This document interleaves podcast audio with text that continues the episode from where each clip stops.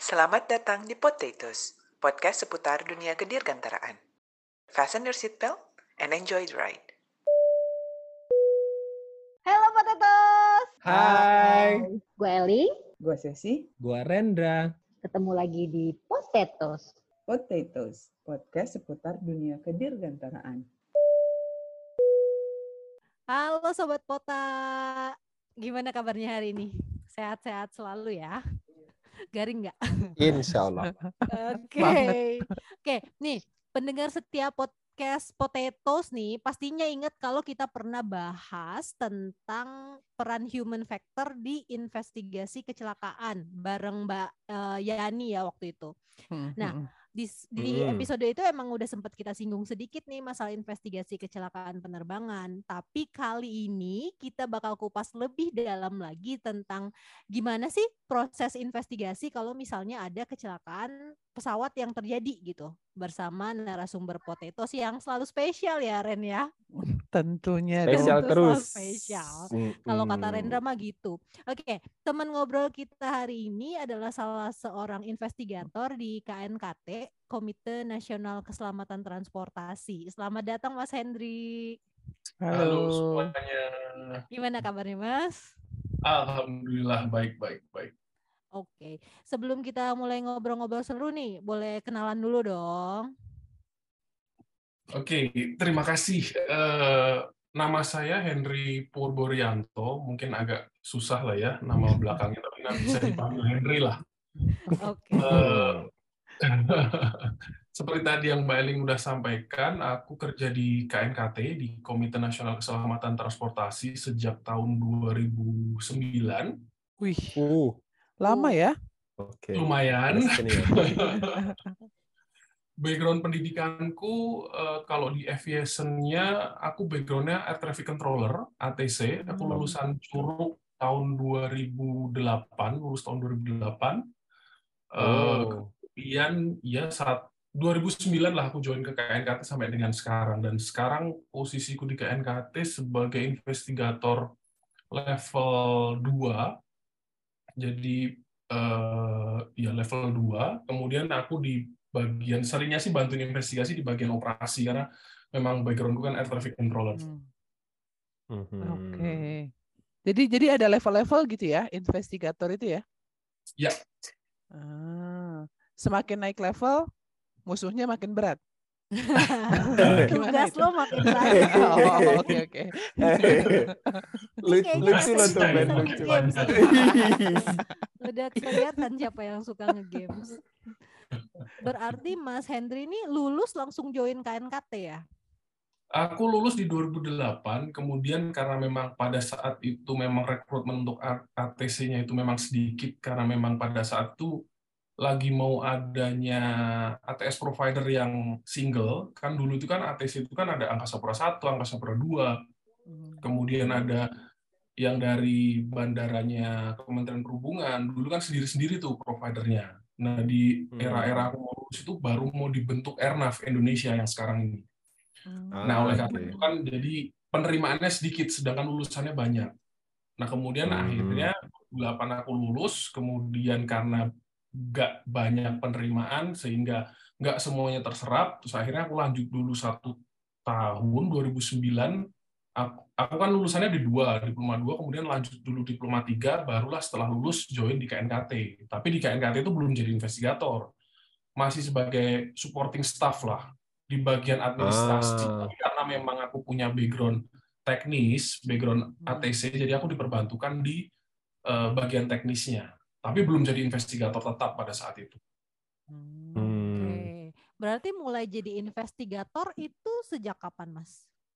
Kalau secara resminya jadi investigator tetap itu aku sejak tahun aku kok lupa ya 2017 kalau nggak salah 2017 atau 2016 gitu aku lupa lupa pastinya Hmm. tapi itu itu hitam di atas putihnya sebagai investigator tapi sejak 2009 sampai dengan 2017 jadi investigator sahnya jadi investigator tetap itu memang pekerjaannya selain eh, handle masalah administrasi investigasi juga ikut investigasi juga nulis laporannya berangkat ke lokasi. Jadi memang ibaratnya itu walaupun memang belum jadi investigator, tapi pada saat itu karena kembali lagi backgroundku karena aku punya background teknis, jadi sudah dilibatkan lah di dalam kegiatan investigasi gitu.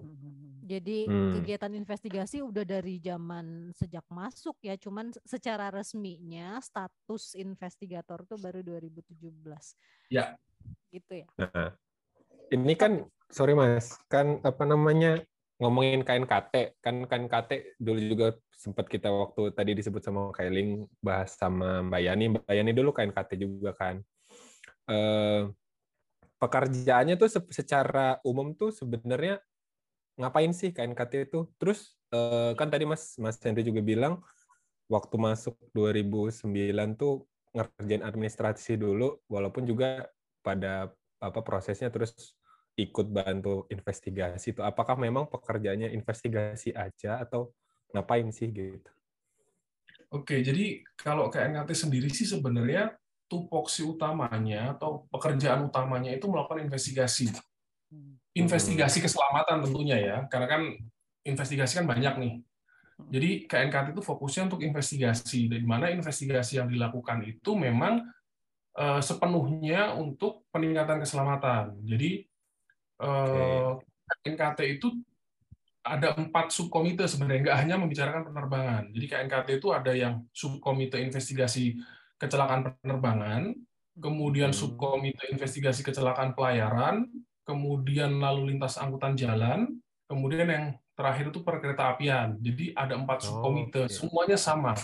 Semuanya tugasnya adalah melakukan investigasi tergantung dari moda transportasinya. Jadi kalau penerbangan ya investigasi di penerbangan, kalau pelayaran ya pelayaran. Nah tadi Hmm. yang aku sampaikan di awal-awal, eh, aku nggak langsung menjadi investigator, tapi sempat juga eh, di sekretariatnya. Jadi di KNKT itu ada sekretariat KNKT yang mana itu eh, tugasnya adalah untuk mendukung administrasi investigasinya. Jadi kayak semacam Hmm. kalau misalnya mau berangkat investigasi apa aja yang harus disiapkan, dokumen-dokumennya, sampai dengan nanti setelah selesai itu nantinya eh, proses administrasinya itu nanti yang handle adalah dari sekretariat. Sama halnya kita ketika misalnya mau mengeluarkan laporan investigasi misalnya, proses sampai dengan nantinya administrasinya sampai dengan selesai itu nanti tugasnya dari sekretariat. Tapi tupoksinya kembali lagi kalau membicarakan KNKT ya investigasi. Investigasinya ya tujuannya untuk peningkatan keselamatan. Jadi kalau administrasi ini ngurusnya eh, untuk semuanya atau khusus penerbangan aja? Keempat moda Kalau- transportasi.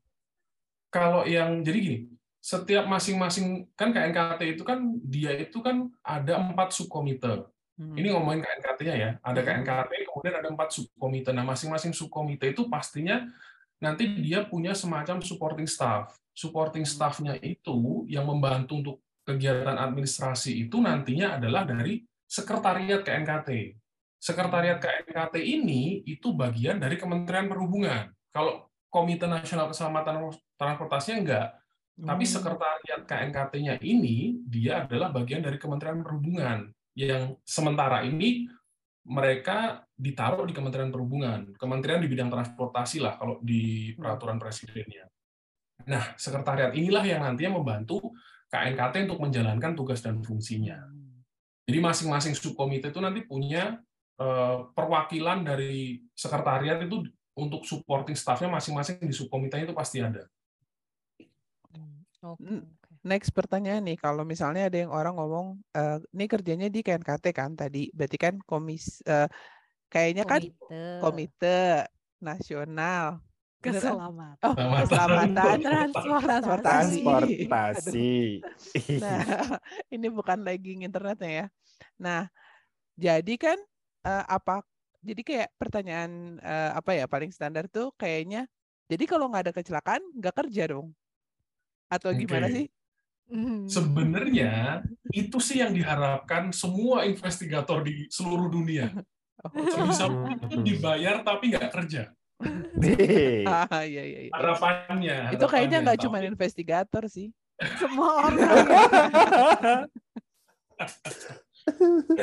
Tapi memang itu pertanyaan yang sangat-sangat common lah. Sering banget teman-temanku itu nanya, loh kamu tuh kalau misalnya nggak ada kecelakaan berarti nggak kerja dong? Kan nggak se nggak seenak itu Rudolfo. Jadi gini kan, Indonesia itu kan permasalahan yang sangat sangat sangat klasik dari dulu sampai sekarang itu kan SDM. Sama, Hmm. KNKT juga mempunyai permasalahan yang sama terkait dengan SDM-nya. Karena dulu KNKT itu statusnya adalah bagian dari Kementerian Perhubungan, yang mana investigatornya itu adalah investigator perbantuan, yang semua itu Hmm. statusnya on call. Hmm. Nah, karena statusnya on call, artinya mereka-mereka itu masih punya pekerjaan di company-nya masing-masing. Nah, sehingga waktunya untuk ke KNKT nggak akan mungkin full. Baru mulai ada investigator full itu tahun 2000, aku lupa, 2015 kalau nggak salah. 2015 atau 2014, aku lupa. Nah, karena itulah sudah investigatornya itu tidak tetap, tidak sehari-hari ngantor, kemudian juga jumlah in- jumlah kejadian yang diinvestigasi dengan jumlah orang yang nantinya akan melakukan investigasi itu nggak seimbang. Yang mana memang Hmm. akhirnya utangnya banyak, utang investigasinya itu banyak sehingga kalau bisa dibilang eh, di KNKT walaupun nggak ada investigasi, tapi masih ada investigasi yang memang masih belum selesai yang harus dikerjakan. Yang mana Hmm. satu kasus itu nggak bisa selesai dalam hitungan bulan. Satu kasus itu karena nantinya itu investigasinya adalah untuk mencari apa sih sebenarnya yang harus dibenahi bareng-bareng, apa sih sebenarnya isu keselamatan yang nantinya bisa ditingkatkan lah atau diperbaiki. Oleh karena itu proses investigasinya itu nggak nggak akan secepat, nggak akan segampang itu sehingga proses investigasinya pasti memakan waktu dan resources yang banyak. Itulah kenapa eh, sepertinya sampai dengan sekarang ini dari 2009 sampai dengan sekarang aku di KNKT itu nggak ada yang namanya itu terus nganggur nggak ada kerjaan itu sepertinya kok nggak pernah lah nggak pernah sampai dengan sekarang Tuh. Netizen netizen julid disimak. Ya mungkin gini, Jadi kan kadang tuh kita mikirnya kecelakaan itu apa yang muncul di berita gitu kan. Hmm. Oh, berarti kan kayak oh nggak muncul di berita berarti nggak ada kecelakaan. Emang Iya. seberapa banyak sih kecelakaan nih khususnya di penerbangan tuh yang terjadi gitu? Oke, nah ini yang ini yang juga tuh, ini memang memang memang banyak banget lah pertanyaan-pertanyaan seperti itu karena memang eh, teman-temanku eh, keluarga aku lah keluarga aku juga tuh juga berpikiran bahwa kan nggak ada kecelakaan nggak ada berita kecelakaan tapi kok kerjaannya kok nggak habis-habis karena memang yang diinvestigasi KNKT itu bukan hanya yang kecelakaan secara terminologi yang memang pesawatnya nabrak kemudian ada korban jiwa. Enggak, enggak hanya itu saja yang diinvestigasi, bukan hanya kecelakaan yang memang eh, menghas- eh, mengakibatkan korban jiwa ataupun kerusakan pesawatnya. Enggak itu saja, tapi KNKT itu konteksnya untuk penerbangan ya, untuk penerbangan itu yang diinvestigasi itu kejadian serius. Kejadian yang memang dianggap serius yang tidak harus menunggu ada korban jiwa dulu itu pun juga akan diinvestigasi karena eh, dasarnya KNKT melakukan investigasi amanat dari Undang-Undang Nomor 1 Tahun 2009 yang mana di situ dibilang bahwa pemerintah melakukan investigasi kecelakaan dan juga kejadian serius yang mana tidak harus menunggu ada korban jiwa dulu. Kejadian serius itu adalah kejadian yang memang tidak berjalan sesuai dengan normalnya yang nyaris nyaris mengakibatkan orang meninggal, nyaris mengakibatkan pesawatnya eh, rusak parah. Nah, itu juga diinvestigasi. Contoh misalnya, pesawat keluar landasan eh, salah satu wheel-nya aja yang keluar, kemudian masuk lagi, kemudian taksi lagi sampai parkir. Itu pun juga diinvestigasi karena kita nggak harus Nah, itu tujuannya kan untuk meningkatkan keselamatan. Jadi tidak harus menunggu ada korban jiwa dulu. Sebisa mungkin itu nggak ibaratnya itu nggak nunggu hujan dulu baru nyari payung. Tapi setidaknya itu kita prepare duluan gitu. Jangan sampai nantinya itu sampai sampai nantinya kita basah gitu. Intinya gitulah. Jadi memang yang diinvestigasi itu tidak hanya yang memang kecelakaan kemudian pesawatnya rusak parah, kemudian ada korban jiwa enggak, tapi yang memang nyaris-nyaris kecelakaan misalnya mau nabrak gunung, cuman kena sayapnya aja kena pohon misalnya, itu juga diinvestigasi. Jangan sampai nantinya kejadian ini berulang tapi severity-nya meningkat menjadi akhirnya nabrak beneran gitu. Dan jangan sampai seperti itu. Itulah kenapa kok investigasi KNKT itu rata-rata dalam satu tahun itu yang diinvestigasinya itu sekitaran 30 lah, 25 sampai 30 rata-rata satu tahun. Lumayan banyak ya. Banyak netizen Setahun banyak. tuh ya. Sebulan dua sampai tiga. tidak berdasarkan popularitas dari berita-berita gitu ya. behind the scene ya. Jadi Mas, kalau misalnya gitu nih, nah begitu yang masuk berita kan paling kan benar-benar yang kecelakaan dahsyat ya biasanya ya. Terus kalau gitu misalnya tadi eh, apa dia lagi landing terus keluar dikit terus masuk lagi nih. Terus tiba-tiba KNKT datang itu siapa yang ngelaporin? Oke. Nah, jadi kalau di Indonesia regulasinya itu eh, bilang bahwa setiap operator, operator dalam konteks regulasi Indonesia ini bukan operator pesawat udara saja. Operator yang dimaksud di konteksnya regulasi Indonesia itu operator pesawat udara, kemudian operator bandar udara, kemudian ATS Hmm. provider. Hmm. Jadi Mhm. mereka itu yang mengetahui adanya kejadian serius ataupun kecelakaan, mereka diwajibkan untuk melapor ke KNKT. Jadi misalnya eh, operator A misalnya pada saat dia di bandara misalnya ngelihat ada pesawat operator B misalnya mengalami kejadian serius, ya maka mereka mempunyai kewajiban untuk melaporkan kepada KNKT.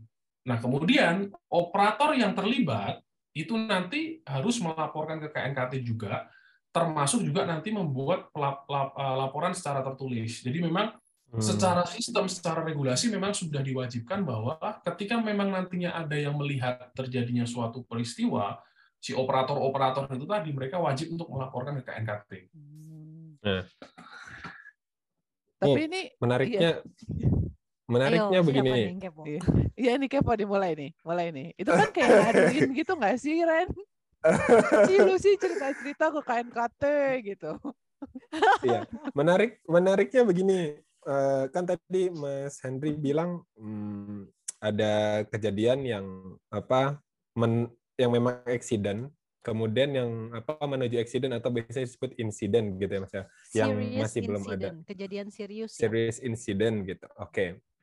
Itu yang di yang di kemudian diinvestigasi oleh KNKT terus kemudian tadi ke ACC ketika misalnya the case terjadi suatu hal yang mungkin quote unquote sederhana gitu eh, insiden sederhana di eh, operator kemudian dilaporkan. Nah, eh, mereka itu pada saat melaporkan tuh harus ada assessment dulu nggak mas? Maksudnya ad- atau ada nggak eh, kejadian yang sebenarnya itu tuh nggak perlu eh, diinvestigasi KNKT gitu. Maksudnya di mana sih eh, batasan-batasannya gitu? Hmm. Oke. Nah, eh, kan KNKT melakukan investigasi itu kan tadi saya bilang tadi diamanatkan oleh si undang-undang. Nah, undang-undang ini kan sebenarnya yaitu salah satu compliance terhadap standarnya ICAO. Jadi memang kembali lagi bahwa yang kita lakukan di khususnya ngomongin masalah penerbangan ya, semuanya kan standarnya sudah ada tuh standar internasional. Sama halnya dengan investigasi. Investigasi sendiri juga ada standar standar internasionalnya yang mana standar internasionalnya itu adalah sama seperti yang diterapkan di Undang-Undang Nomor 1. Intinya adalah ketika ada kecelakaan ataupun kejadian serius. Nah, kecelakaan dan kejadian serius itu ada definisinya. Jadi itu Hmm. didefinisikan. Contoh misalnya nih, ngomongin kecelakaan. Kecelakaan itu bukan hanya ngomongin ada korban jiwa saja. Jadi yang dianggap dengan kecelakaan itu adalah ketika pengoperasian pesawat udara, adanya suatu pengoperasian pesawat udara yang mana dianggap yang dianggap sebagai pengoperasian pesawat udara itu adalah ketika ada orang mulai masuk dengan intensi terbang. Kuncinya adalah orang masuk ke pesawat untuk intensi terbang sampai dengan orang tersebut keluar dari pesawat. Nah, ketika dalam range waktu itu, kemudian eh, dalam range waktu itu dalam artian itu dianggap sebagai pengoperasian pesawat udara. Nah, ketika dalam range waktu itu mengakibatkan yang pertama adanya orang meninggal, adanya orang meninggal, kemudian adanya orang yang mengalami luka serius. Orang meninggal atau mengalami luka serius akibat dari berada di dalam pesawat udara yang pertama berada di dalam pesawat udara, contohnya misalnya ketika pesawatnya terbang, kemudian turbulence. Nggak harus meninggal, Mhm. tapi misalnya patah, patah tangan misalnya. Itu sudah dianggap sebagai eh, luka serius. Nah, Mhm. ketika dia sudah mengalami luka serius di dalam pesawat udara, ataupun amit-amit misalnya meninggal, nah itu sudah masuk definisi kecelakaan yang pertama. Nah, definisi yang kedua adalah selain mengalami luka serius di dalam pesawat udara, ketika meninggalnya ataupun luka seriusnya itu diakibatkan karena eh, bersentuhan langsung dengan bagian dari pesawat, at- termasuk bagian yang terlepas. Contoh misalnya, aku pernah investigasi pesawat sedang pushback, intensi terbang tentunya ya, orangnya masuk ke dalam, kemudian pushback-nya itu intensi terbang. Bukan pushback dalam artian mau mindahin dari parking stand A ke parking stand B. Itu bukan Hmm. bukan pengoperasian pesawat udara. Nah, ketika dia pushback, kemudian headset man-nya kakinya kelindes nose wheel misalnya, kakinya patah, itu juga Mhm. dianggap sebagai kecelakaan. Bersen, eh, apa, bersentuhan langsung dengan eh, bagian dari pesawat udara atau yang terlepas. Contoh misalnya pesawatnya lagi lagi terbang, kemudian ada beberapa komponennya yang terlepas misalnya terus jatuh, terus kemudian nimpa orang di bawah, orangnya mengalami luka serius ataupun meninggal. Itu juga masuk Hmm. definisi kecelakaan.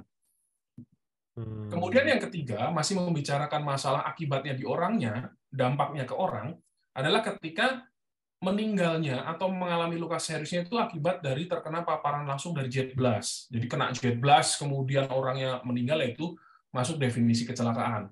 Itu baru membicarakan, tapi ada pengecualiannya. Pengecualiannya adalah ketika meninggalnya ataupun eh, mengalami luka seriusnya itu karena natural causes, karena penyebab alami, terkena serangan jantung misalnya, meninggal di dalam pesawat, terkena serangan jantung itu bukan dianggap kecelakaan lagi, bukan dianggap sebagai definisi kecelakaan sesuai dengan konteksnya ICAO. Atau misalnya karena memang lukanya itu diakibatkan karena dirinya sendiri, dia lagi on, di dalam pesawat terbang kemudian bunuh diri, ya itu nggak masuk tuh definisi kecelakaan. Atau kejadian yang kemarin yang sempat ramai Turkis, tuh, Hmm. yang, Yang Turkis, yang ramai. Hmm. ketika ada orang yang berantem kemudian ada yang mengalami luka parah, itu nggak masuk ke definisi kecelakaan. Hmm. Karena itu nantinya Hmm. bukan ke arah safety lagi, sudah ke arah security sebenarnya. Hmm. Atau Hmm. misalnya kasus kejadian yang ada di Pekanbaru kalau nggak salah, yang ada orang yang penumpang gelap yang masuk ke dalam landing gear B-nya pesawat, ketika orang itu mengalami luka serius ataupun meninggal itu juga bukan bukan ke definisi kecelakaan lagi. Itu baru ngomongin Hmm. dampaknya ke orang. Ada lagi ketika kecelakaan itu juga ketika dampaknya itu ke pesawat. Nggak ada orang meninggal, Hmm. tapi pesawatnya rusak parah. Rusak parah yang mana artinya adalah dia memerlukan penggantian yang eh, secara ma- major lah, major repair. Nah, itu bisa dianggap sebagai kecelakaan atau pesawatnya hilang, MH370. Sampai sekarang main nggak ketemu. Itu juga dianggap Hmm. sebagai kecelakaan. Hmm. Nah, itu definisi kecelakaan yang nantinya akan diinvestigasi. Nah, untuk Oke. definisi kejadian serius, yang definisi yang kedua, itu sama ketika terdapat pengoperasian pesawat udara. Pengoperasian pesawat udara yang nyaris akan eh, menimbulkan terjadinya suatu kecelakaan. Contoh misalnya kalau kecelakaan itu kan ada orang meninggal, ada pesawat rusak parah. Nah, kalau kejadian serius ini nyaris yang membedakan antara kecelakaan dan kejadian serius adalah hasil akhirnya. Contoh misalnya, pesawat nabrak gunung, pesawatnya rusak parah, orang meninggal, itu kecelakaan. Pesawat nyaris nabrak gunung, nggak meninggal, pesawatnya nggak rusak parah, tapi nyaris. Nah, itu definisinya kejadian serius. Nah, kalau membicarakan definisi kejadian serius ini memang agak-agak eh, subjektif. Oleh karena itu, ICAO itu membuat suatu guidance untuk menentukan kejadian serius nanti perlu membuat semacam kayak eh, matrix risk assessment gitu nah, yang nantinya apakah ini masuk kejadian serius atau tidak. Tapi ICAO juga memberikan daftarnya. Salah satu yang paling gampang adalah pesawat keluar landasan. Pesawat keluar landasan kemudian masuk lagi itu secara risiko, secara statistik menyebabkan pesawatnya rusak parah, menyebabkan orang meninggal sehingga itu masuk kejadian serius. Jadi Hmm. kurang lebih definisinya kurang lebih seperti itu yang diinvestigasi. Jadi artinya nih kalau misalnya tadi kan operator tuh wajib lapor. Kalau misalnya ada kejadian itu mereka laporkan aja dulu, kemudian hmm, apa di di assess lagi Assessment. sama KNKT apakah ini masuk accident, serious incident atau em, insiden aja yang perlu atau enggak diinvestigasi gitu ya, Mas? Ya, jadi kalau regulasinya adalah ketika operatornya itu mengetahui adanya kecelakaan ataupun kejadian serius, maka mereka wajib melaporkan ke KNKT. Dan regulasinya lagi, nanti tuh di, salah di regulasinya itu ada salah satu klausul yang bilang bahwa penentuan final atau final classification dari peristiwa yang terjadi itu nantinya ada di KNKT. Jadi ketika operator misalnya melaporkan, menurut saya ini kejadian serius. Ternyata setelah di KNKT, oh enggak, ini kecelakaan karena pesawatnya rusak parah. Atau misalnya sebaliknya, menurut operator ini kejadian serius. Contoh misalnya near collision, pesawatnya mau tabrakan di udara. Pesawat Mhm. mau tabrakan di udara itu bisa saja dianggap kejadian serius ketika tidak ada defenses yang tersisa atau defensesnya tinggal satu. Contohnya misalnya pesawat mau tabrakan, kemudian tiketnya bunyi atau alarm yang mau bilang bahwa pesawatnya tabrakan itu bunyi. Ketika al- alarmnya itu bunyi, kemudian pilotnya react karena memang dia sudah di training dan sudah ada prosedurnya, sehingga nggak jadi kecelakaan tuh. Nah, karena defensesnya banyak, sehingga itu tidak menjadi kejadian serius. Nah, Hmm. kalau kayak gitu juga bisa. Misalnya operatornya bilang bahwa, oh, saya mau tabrakan, tapi menurut mereka adalah kejadian serius. Setelah KNKT assess, ternyata enggak loh. Kamu masih punya defenses yang banyak. Kamu masih punya ibaratnya itu eh, elemen-elemen lain yang membuat pesawat itu nggak akan nabrak. Sehingga ini bisa dianggap Hmm. sebagai insiden saja, bukan kejadian serius. Jadi tetap final classification-nya nanti tetap ada di KNKT. Karena KNKT lah yang nanti akan melakukan investigasi. Hmm, Oh, oke. Jadi pokoknya lapor aja dulu ya, terus habis itu nanti baru ada proses asesmen lanjutan sehingga apa disimpulkan oleh tim KN investigator KNKT begitu ya. Yang penting lapor, Ren. Tapi tadi menurut aku satu kata-kata yang kunci yang cukup menarik adalah eh, safety versus security ya. Oh Jadi iya. kalau KNKT tadi lebih mengurus safety bukan security gitu kan ya, Mas Ya. Henry. Bisa dielaborasi dikit nggak? Nah, jadi gini, eh, kembali lagi bahwa namanya juga Komite Nasional Keselamatan, yang mana di sini KNKT yang nantinya hanya eh, mencoba untuk melakukan upaya-upaya untuk peningkatan keselamatan, bukan Mhm. upaya-upaya untuk menjamin bahwa pengoperasian pesawat udara itu secure. Secure sama safety itu kan sebenarnya security sama safety itu kan sebenarnya beda. Sudut pandangnya sudah beda. Security kan nantinya akan dia mencoba untuk membuat suatu sistem agar nantinya itu eh, semuanya itu aman dalam artian tidak ada tindakan-tindakan melanggar hukum, tindakan-tindakan contohnya seperti 9/11 misalnya. Itu kan lebih ke arah security, Hmm. bukan lagi membicarakan masalah safety. Yang mana nanti Hmm. pendekatan untuk melakukan investigasinya pun juga berbeda. Kalau safety itu menginvestigasinya bukan untuk mencari siapa yang harus bertanggung jawab, tapi safety itu lebih ke arah investigasinya apa yang terjadi, bukan membicarakan lagi Hmm. siapa melakukan apa. Karena siapa melakukan apa itu di safety itu karena kita membicarakan dunia penerbangan. Dunia penerbangan kan sistem, bukan bukan dilakukan oleh perseorangan. Siapa pun yang bekerja di dunia penerbangan itu mereka bekerja berdasarkan sistem yang sudah di-create. Hmm. Contoh misalnya pilot ketika dia bekerja atau engineer lah ketika dia bekerja, dia kan bekerja sesuai dengan prosedur. Nah prosedur itu kan diciptakan, yang mana prosedurnya ini nantinya diciptakan karena sudah ada regulasinya. Kenapa kok ada regulasinya? Karena ada standarnya. Nah dari situlah ketika seseorang bekerja itu kan pasti produk dari sistem. Sehingga ketika safety melawan investigasi, ketika ada seseorang yang melakukan suatu kesalahan misalnya, dia tidak bekerja sesuai dengan SOP-nya, banyak orang berpikiran bahwa investigasi selesai. Padahal Hmm. enggak. Safety investigasi itu ketika ada orang melakukan kesalahan, dia tidak melakukan sesuai dengan prosedurnya. Bisa dibilang di situlah proses investigasi baru akan diperdalam lagi. Karena kita mencari apa yang menyebabkan dia tidak menjalankan SOP-nya. Bukan berhenti sampai dengan ketika seseorang melakukan suatu kesalahan, dia tidak menjalankan SOP misalnya. Terus Hmm. investigasinya selesai. Enggak, karena di situlah baru akan didalami. Karena kita akan mencoba untuk memperbaiki sistemnya. Hmm. Karena gini, paling gampangnya adalah gini, misalnya ketika seseorang dia menjalankan SOP, SOP-nya tuh nggak jelas. Atau SOP-nya tidak bisa dijalankan lah misalnya. Kemudian safety investigasi, kemudian nemu nih, oh ada pilot yang tidak menjalankan SOP. Kemudian pilotnya ini dipecat misalnya. Atau misalnya dihukum misalnya. Kemudian digantikan orang lain. Tapi secara sistem nggak dibenerin. Kemungkinan besar dia akan melakukan hal yang sama.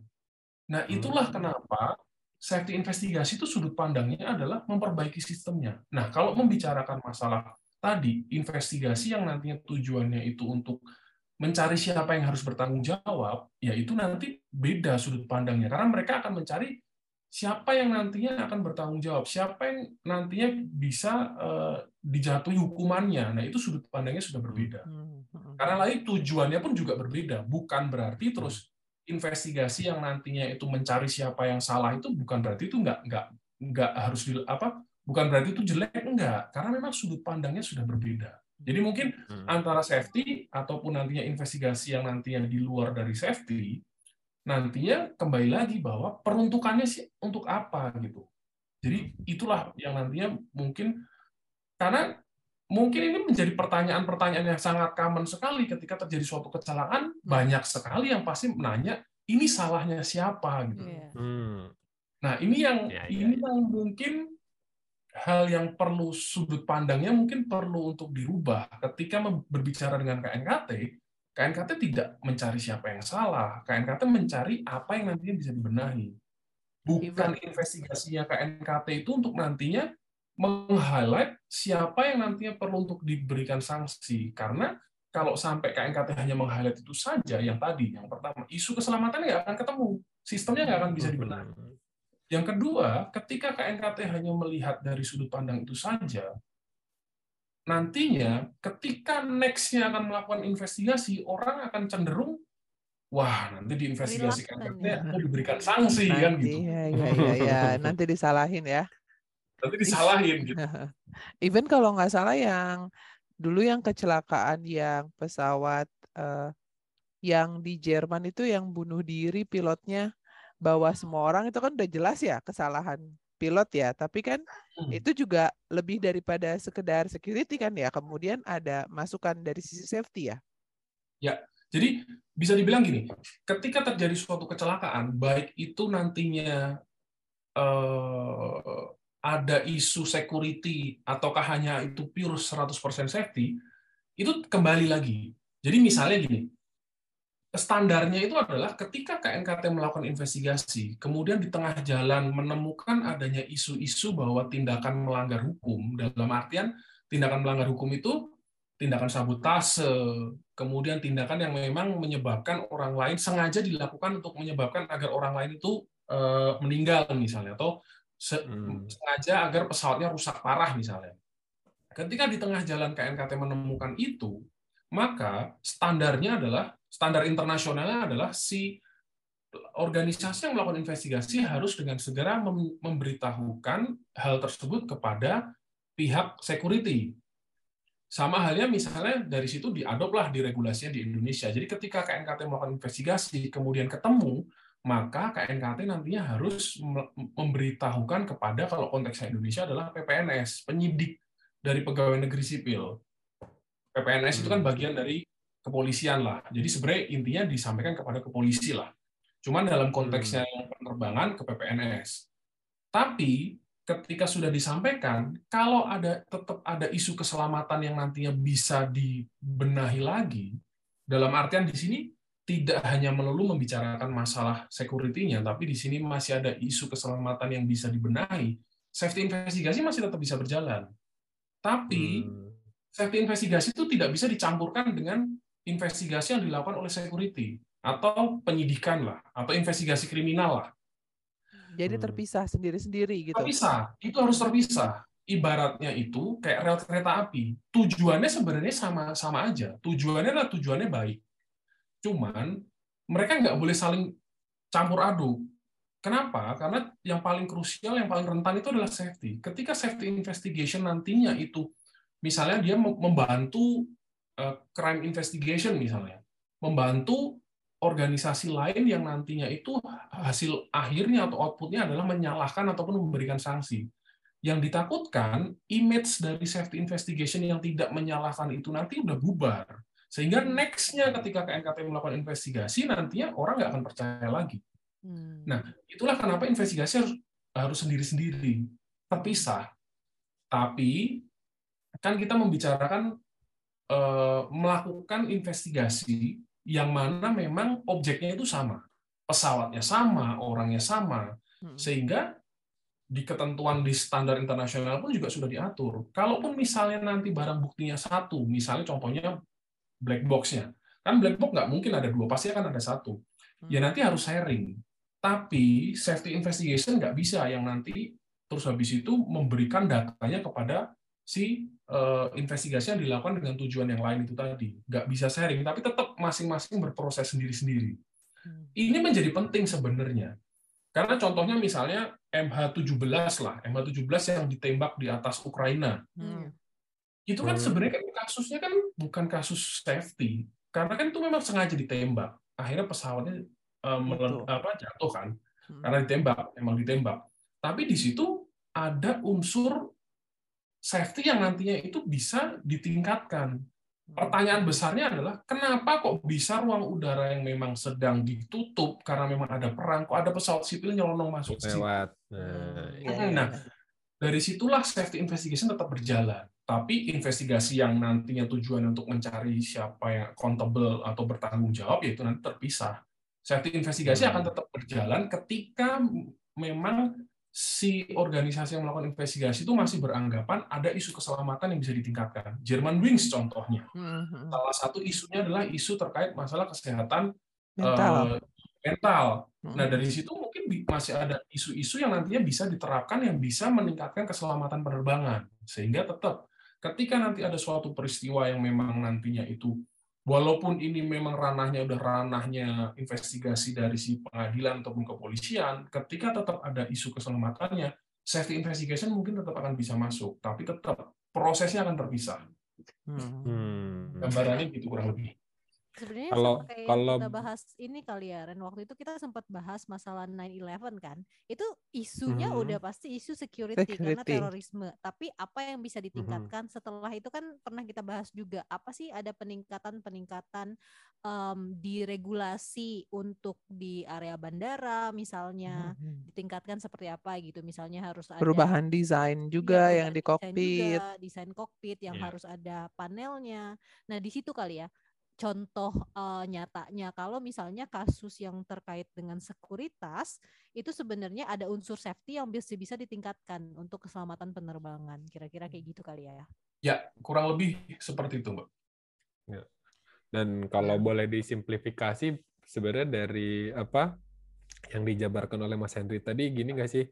Jadi sebenarnya kalau safety investigasi itu pokoknya cari root cause-nya akar masalah, tidak fokus kepada langsung siapa atau Penjahatnya. organisasi mana yang bersalah. Bahwa kemudian dari akar masalahnya tadi ternyata memang apa root cause akhirnya itu memang seseorang atau personil atau organisasi, yaitu nanti eh, investigasi lain lah yang bisa memutuskan. Tapi intinya tidak berfokus kepada yang di-highlight adalah tidak berfokus kepada eh, organisasi atau personil. Begitu ya Mas ya?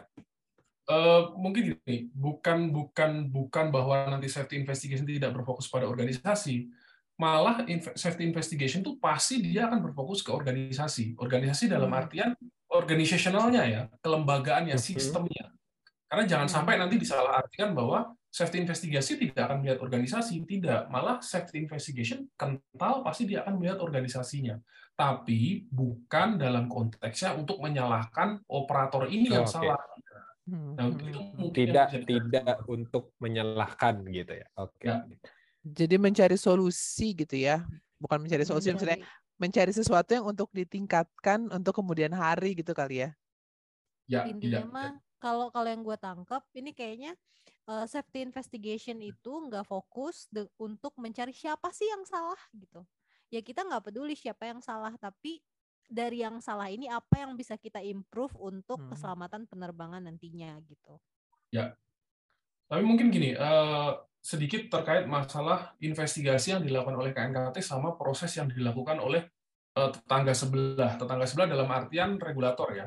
Hmm. Mhm. Jadi Oke. bukan berarti misalnya regulator itu kan ketika dia menjalankan prosesnya, audit dan lain-lain misalnya atau special audit, mereka nantinya akan memberikan sanksi kepada organisasi atau kepada si petugas operasionalnya. Bukan berarti itu salah, enggak. Karena pemberian sanksi atau siapa yang nantinya akan di blaming bukan dalam konteksnya nantinya dia akan menanggung semuanya enggak, tapi intinya ketika ada seseorang tidak menjalankan SOP-nya, kemudian diberikan sanksi, itu bukan berarti itu hal yang salah enggak. Karena gini, Hmm. ketika hanya terjadi suatu kecelakaan misalnya, kemudian hanya safety investigasi saja yang nantinya ujungnya adalah rekomendasi, memperbaiki sistem. Hmm. Itu nanti ketika hanya hanya itu saja yang akan maju, itu nanti akan menciptakan suatu iklim bahwa ah aku men- aku nggak ngikutin SOP pun juga nggak apa-apa kok, Hmm. bodoh amat, toh Hmm. juga nanti cuma dapat rekomendasi. Nah, itu yang nantinya itu yang nantinya harus dihindari. Jadi harusnya itu harmonis atau balance antara safety investigasi dan investigasi yang nantinya itu prosesnya adalah penegakan aturan. Demikian pula sebaliknya, misalnya terjadi suatu kecelakaan, yang maju adalah organisasi yang nantinya itu menegakkan aturan.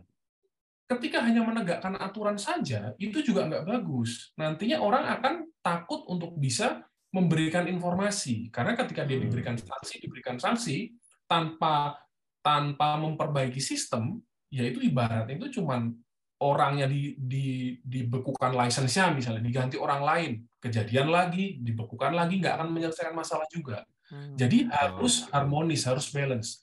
Antara yang dilakukan oleh KNKT dan yang dilakukan oleh Kementerian Perhubungan itu harus balance. Tapi kembali lagi untuk menentukan yang nanti yang diberikan sanksi pun juga nanti harus dilihat apakah memang ternyata dia tidak Eh. menjalankan SOP karena memang SOP yang tidak bisa dilakukan kan kalau misalnya seperti itu kan ya kembali lagi yang nanti harus dilihat organisasinya. Jadi kembali lagi bahwa bukan berarti organisasi yang nantinya itu akan menegakkan aturan bukan berarti itu tidak akan mengurangi eh bu- bukan berarti dia melakukan hal yang salah. Tujuannya tetap sama. Kementerian Perhubungan menegakkan aturan memberikan sanksi. Tujuannya adalah untuk menciptakan iklim yang safe KNKT pun juga Hmm. menjalankan prosesnya untuk menciptakan iklim yang safe. Tapi kembali lagi, semuanya harus harmonis, harus balance Hmm. lah. Kurang lebih seperti itu. Ada Nah, perannya masing-masing ya. Ini kan Ini makin baru- muncul juga nih peran-peran terus makin banyak nih. Kayaknya biar lebih terbayang mungkin ya. Gimana kalau kan ini Mas Mas Henry juga udah pro- apa panjang pengalamannya di sebagai investigator. Boleh nggak langsung ke studi kasus barangkali biar bisa lebih terbayang gitu. Yang pengalaman Mas Henry deh dalam menginvestigasi misalnya contohnya kasus apa gitu. Hmm, aku pernah investigasi yang eh, menurutku ini investigasi yang cukup puas lah. Aku cukup puas melakukan investigasi karena memang dari awal aku ikut sampai ke lokasi, sampai dengan proses kebetulan aku yang in charge di kasus tersebut, sampai dengan eh, publish dari final report-nya. Kebetulan aku pernah Mhm. investigasi control flight into terrain. Control flight into terrain itu pesawat dalam kendali yang bisa dikendalikan oleh pilot tapi nabrak gunung lah. Gambarannya Oke. gitu bu- bukan dalam konteksnya pesawatnya yang rusak, tapi memang dalam kondisi yang memang eh, dia bisa dikendalikan oleh pilot, tapi pesawatnya nabrak gunung. Ah, Hmm. Tahun 2018 kalau nggak salah. Kayak Ini Sukhoi kasusnya udah, Salak gitu ya. ya itu control flight into terrain juga itu Sukhoi. Oke. Sebenarnya Kalau itu Sukhoi itu cukup Sukhoi itu sebenarnya cukup menarik, cuman eh, aku nggak ikut prosesnya dari awal sampai akhir karena memang walaupun pro- eh, walaupun aku itu sudah lama di KNKT, tapi di tengah-tengahnya itu banyak bolongnya karena sekolah biasa sekolah, sekolah dan sekolah. Nah ini yang contoh kasus yang mau tak angkat ini tahun 2018 Control Flight into Terrain pesawatnya itu eh, pesawatnya New Zealand PAC. Oke. Hmm, Oke. Jadi pesawatnya ini nabrak gunung. Nah, di Oksibil kejadiannya. Aku lupa tanggalnya berapa, tapi tahunnya sepertinya tahun 2018. Oke. Hmm. Tahun 2018. Nah, itu mungkin biar ada gambaran sedikit nih. Gimana sih cara, eh, gimana sih KNKT untuk bekerja? Biar ada sedikit Ya. gambaran. Ya, proses Mm-mm. investigasinya tuh kayak gimana sih? Pokoknya Ah, dari Yang kejadian KNKT. gitu sampai akhir. Oke, kan sudah pasti investigasi akan dimulai dari proses pemberitahuan. Pasti itu. Hmm. Kan nggak mungkin kan KNKT bisa investigasi tanpa dikasih tahu kan gitu ya. Cenayang kali. Mas. Iya, KNKT bukan dukun. Nah, Jadi sudah pasti akan ada laporan yang masuk ke KNKT. Nah, setelah laporan masuk ke KNKT itu pasti akan dilakukan verifikasi nih. Bener nggak nih, datanya valid nggak? Karena sering ada pesawat jatuh, tapi ternyata setelah di setelah di apa setelah diverifikasi ternyata hoax. Sering lah kalau kayak Oh. seperti itu. Itu juga terjadi di KNKT. Nah, setelah diverifikasi ternyata memang benar pesawatnya hilang dan belum ketemu. Nah, akhirnya Hmm. dari situ terus ter- terjadilah proses di, di KNKT internal. Proses untuk menentukan siapa yang nantinya akan dideploy, eh, siapa yang akan dikirimkan ke lokasi kecelakaan, kemudian nanti timnya seberapa besar, itu nanti tergantung dari jenis kejadiannya. Kalau misalnya yang aku investigasi ini karena ini memang pesawatnya pesawat perintis, pesawat kecil, yang memang bukan pesawat yang eh, besar, sehingga tim yang dikirimkannya pun juga tidak banyak. Pada saat itu yang dikirimkan itu dua, Hmm. dua Pes- orang. pes- sorry mas, pesawatnya pesawat apa tuh dulu tuh? Pesawatnya PAC, Aceh. eh, Pacific Aerospace Pack gitu loh, 17 eh, aku lupa PAC 750 kalau nggak salah. Ya PAC Hmm, 750 XL kalau nggak salah. Oke oke. Eh, Manufakturnya dari New Zealand. Hmm. Hmm. Coba Ren Oke googling lanjut dulu. mas. Cobain ya. PAC 750 X-Tol nih ada nih. Ya itu. Oke Ya, oke. ya. Terus? Eh, kenapa aku bisa bilang aku cukup cukup puas dengan investigasi ini karena memang kebetulan yang dikirim ke Jakarta dari Jakarta kan KNKT cuma ada satu nih, cuma ada satu-satunya kantornya kan di KN, di Jakarta. Kejadiannya di Papua di Oksibil. Nah kebetulan yang dikirim dari Jakarta itu cuma aku sendirian. Hmm. Hmm. Cuman aku sendiri yang dikirim, tapi KNKT itu kan punya beberapa tenaga tenaga perbantuan lah. Jadi ada satu tenaga perbantuan yang memang dia stay-nya memang di Papua. Memang dia orang Hmm. orang yang memang lama tinggal di Papua, memang orang Warlock Papua. ya? Ya, Akamsi, Akamsi, Hmm. Akamsi, Akamsi. Jadi setelah itu ditentukan bahwa oke lah ini dari Jakarta dikirim satu orang saja cukup, nanti di sana akan dibantu ada satu orang lagi. Nah, berangkatlah itu, berangkatlah dengan sudah pasti ketika kita membicarakan gunung pasti perlengkapannya pun juga disesuaikan. Jadi setelah dapat dapat per- eh, informasi kejadiannya apa, yang pasti dilakukan adalah kita coba cari informasi sebanyak-banyaknya. Lokasi kecelakaannya seperti apa? Aksesnya ke lokasinya seperti apa? Susah atau enggak? Butuh butuh kendaraan khusus nggak harus sampai ke sana. Nah, kebetulan pada saat itu lokasinya itu di hutan, di lereng gunung lah, di Hmm. daerah yang memang hutan tropis lah seperti itu di Papua kan tipikalnya Papua seperti itu. Nah oleh karena itu kan pasti disesuaikan harus pakai sepatu sepatu untuk nggak mungkin kan aku pakai pantofel atau pakai Sendal sepatu jepit gitu. kayak sendal jepit kan nggak mungkin Kan pasti harus disesuaikan perlengkapannya, kamera dan lain-lain karena kan kita kan mau melakukan investigasi. Investigasi kan eh, sudah pasti aku ke sana kan mencari data tuh, cari informasi. Jadi setelah sudah tahu peristiwa seperti apa, kemudian perlengkapannya disiapkan, berangkatlah ke lokasi. Sampai ke lokasi eh, nggak segampang itu untuk bisa sampai ke lokasi karena kan kita membicarakan lokasinya itu di hutan. Udah pasti aku harus melakukan assessment dari Hmm. foto-foto yang sudah aku terima, dari informasi dari eh, orang-orang yang memang sudah sampai di lokasi duluan, warga sekitar, kemudian pihak dari Basarnas, kepolisian yang memang sudah sampai ke sana, aku harus gali dulu informasinya. Seberapa, apakah memungkinkan bagi tim KNKT untuk bisa sampai ke lokasi? Kan nggak mungkin KNKT nantinya main berangkat aja sampai sana malah nggak bisa pulang kan nggak lucu. Bukannya investigasi malah ditolong malah di eh, disar Malah ngerepotin. malah ngerepotin banyak orang. Nah jadi eh, udah udah udah eh, sampai ke Papua kemudian assessment dulu nih. Lokasinya memungkinkan nggak untuk sampai di sana dan kalau membicarakan lokasi di remote area, mau itu di hutan Papua, hutan Kalimantan, itu pasti ada hal-hal yang nantinya itu eh, harus dilakukan ekstra, yang memang di luar kebiasaan. Contoh misalnya, hutan Papua, kan kita sudah sama-sama tahu, udah hutannya belantara, kemudian isu keamanannya juga agak sedikit, eh, bukan agak sedikit lah ya, isu keamanan di sana juga cukup membahayakan. Jadi sebelum sampai ke sana pun juga aku harus koordinasi dulu nih dengan semuanya, termasuk dari pihak keamanan, termasuk juga ke eh, kepala suku dari desa yang terdekat, agar nantinya Hmm. itu aku bisa dibantu. Hmm. Ya kan namanya kita tamu kan ya, kita tamu. Walaupun kita itu di- sudah disupport dengan undang-undang yang jelas bahwa kita mempunyai tugas untuk melakukan investigasi. Tapi kan ya nggak mungkin kita datang terus tiba-tiba petantang petenteng mau masuk ke lokasi kan nggak mungkin kan. Olah data gitu. Tetap, tetap harus kulon nuwun lah ibaratnya kan gitu kan. Jadi ya komunikasi bahkan sampai sampai aku harus eh, bawa bahan makanan untuk nantinya ibaratnya itu minta tolong ke kepala sukunya biar ada akamsi yang nantinya bisa membantu aku sampai ke Hmm. lokasi. Karena kan mereka yang lebih Hmm. tahu jalanannya seperti Hmm. apa, medannya seperti Ya, ya. apa. Tour guide lah ya.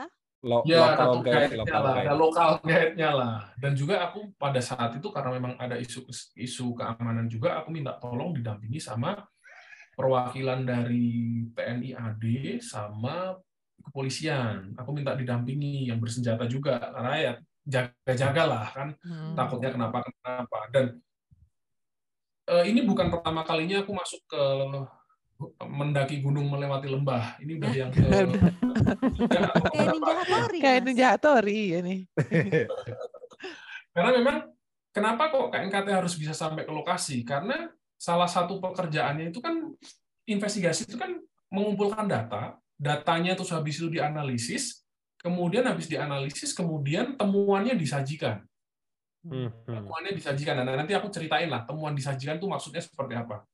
Kan pertama pasti prosesnya akan mengumpulkan data. Nah, kenapa kok harus ke lokasi kecelakaan? Karena di lokasi kecelakaan itulah banyak data yang nantinya memberikan kita informasi yang cukup bermanfaat bagi investigasi.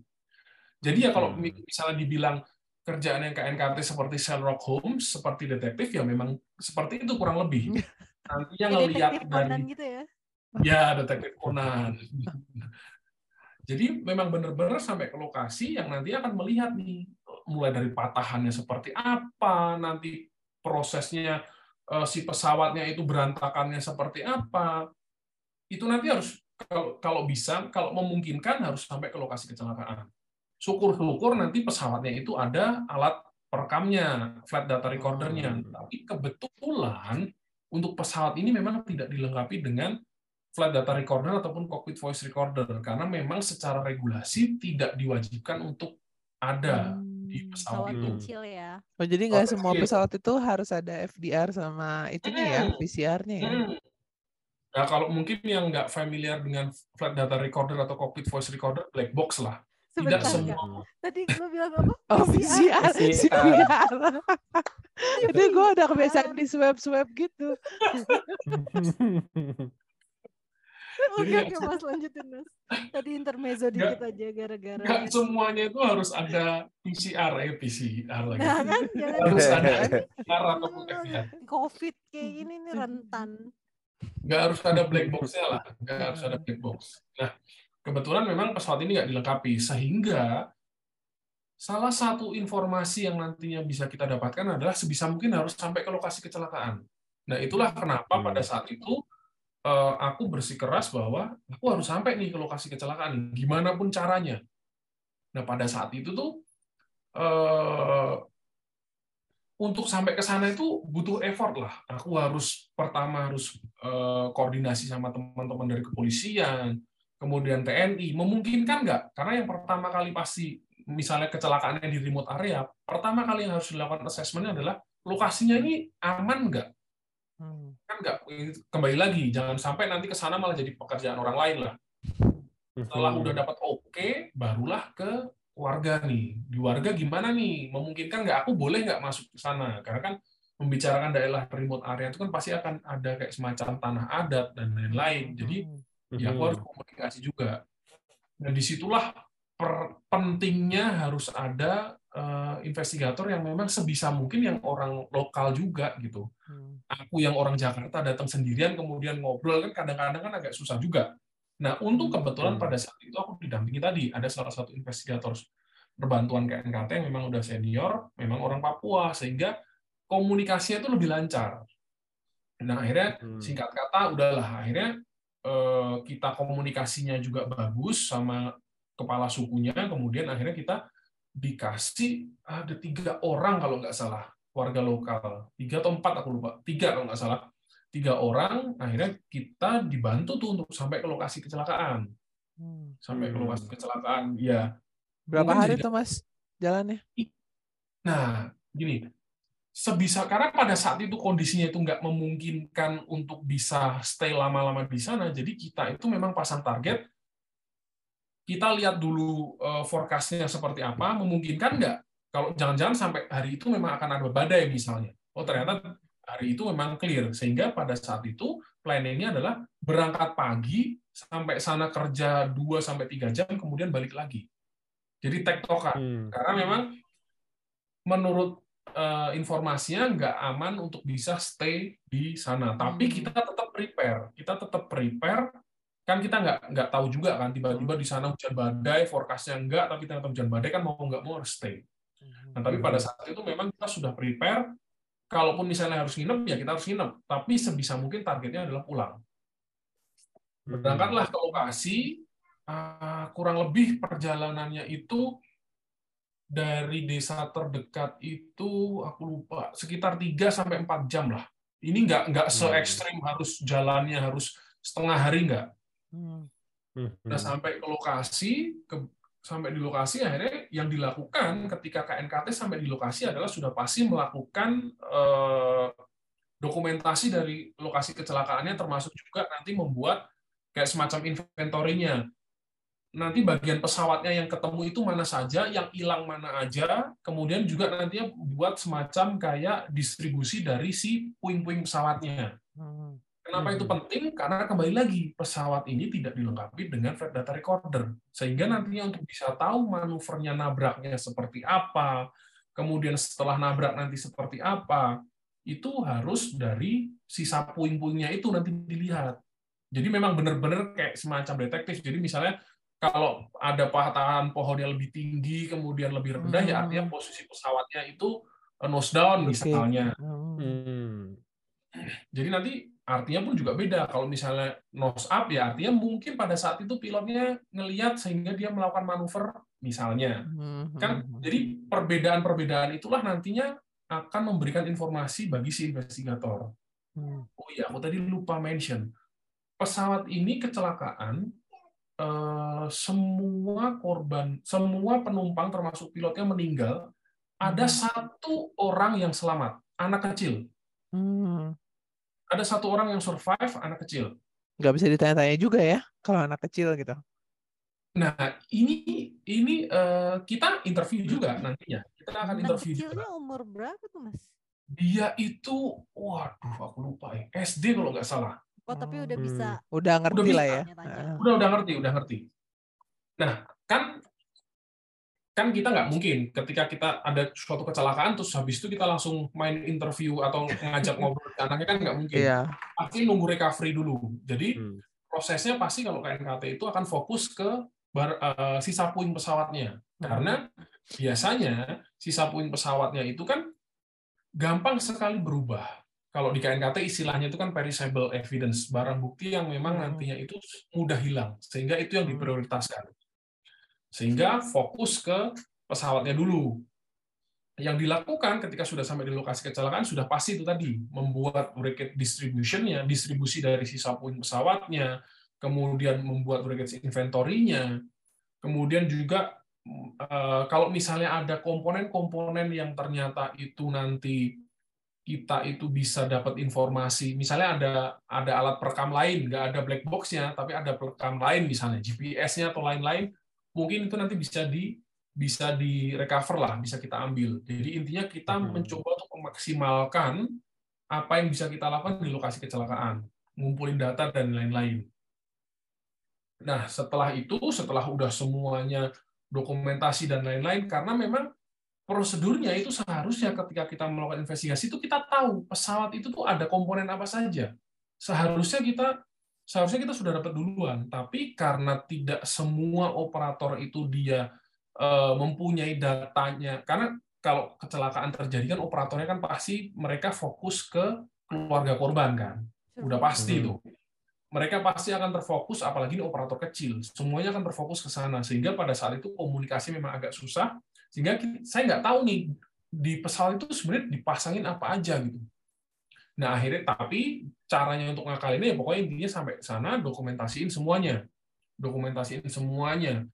Nah setelah selesai, selesai akhirnya pada saat itu memang udah udah bisa cepet lah, nggak nggak harus berlama-lama. Karena memang pada saat itu kalau nggak salah kerjanya itu cuma sekitar dua jam terus habis itu udah mulai hujan gerimis akhirnya turun lagi.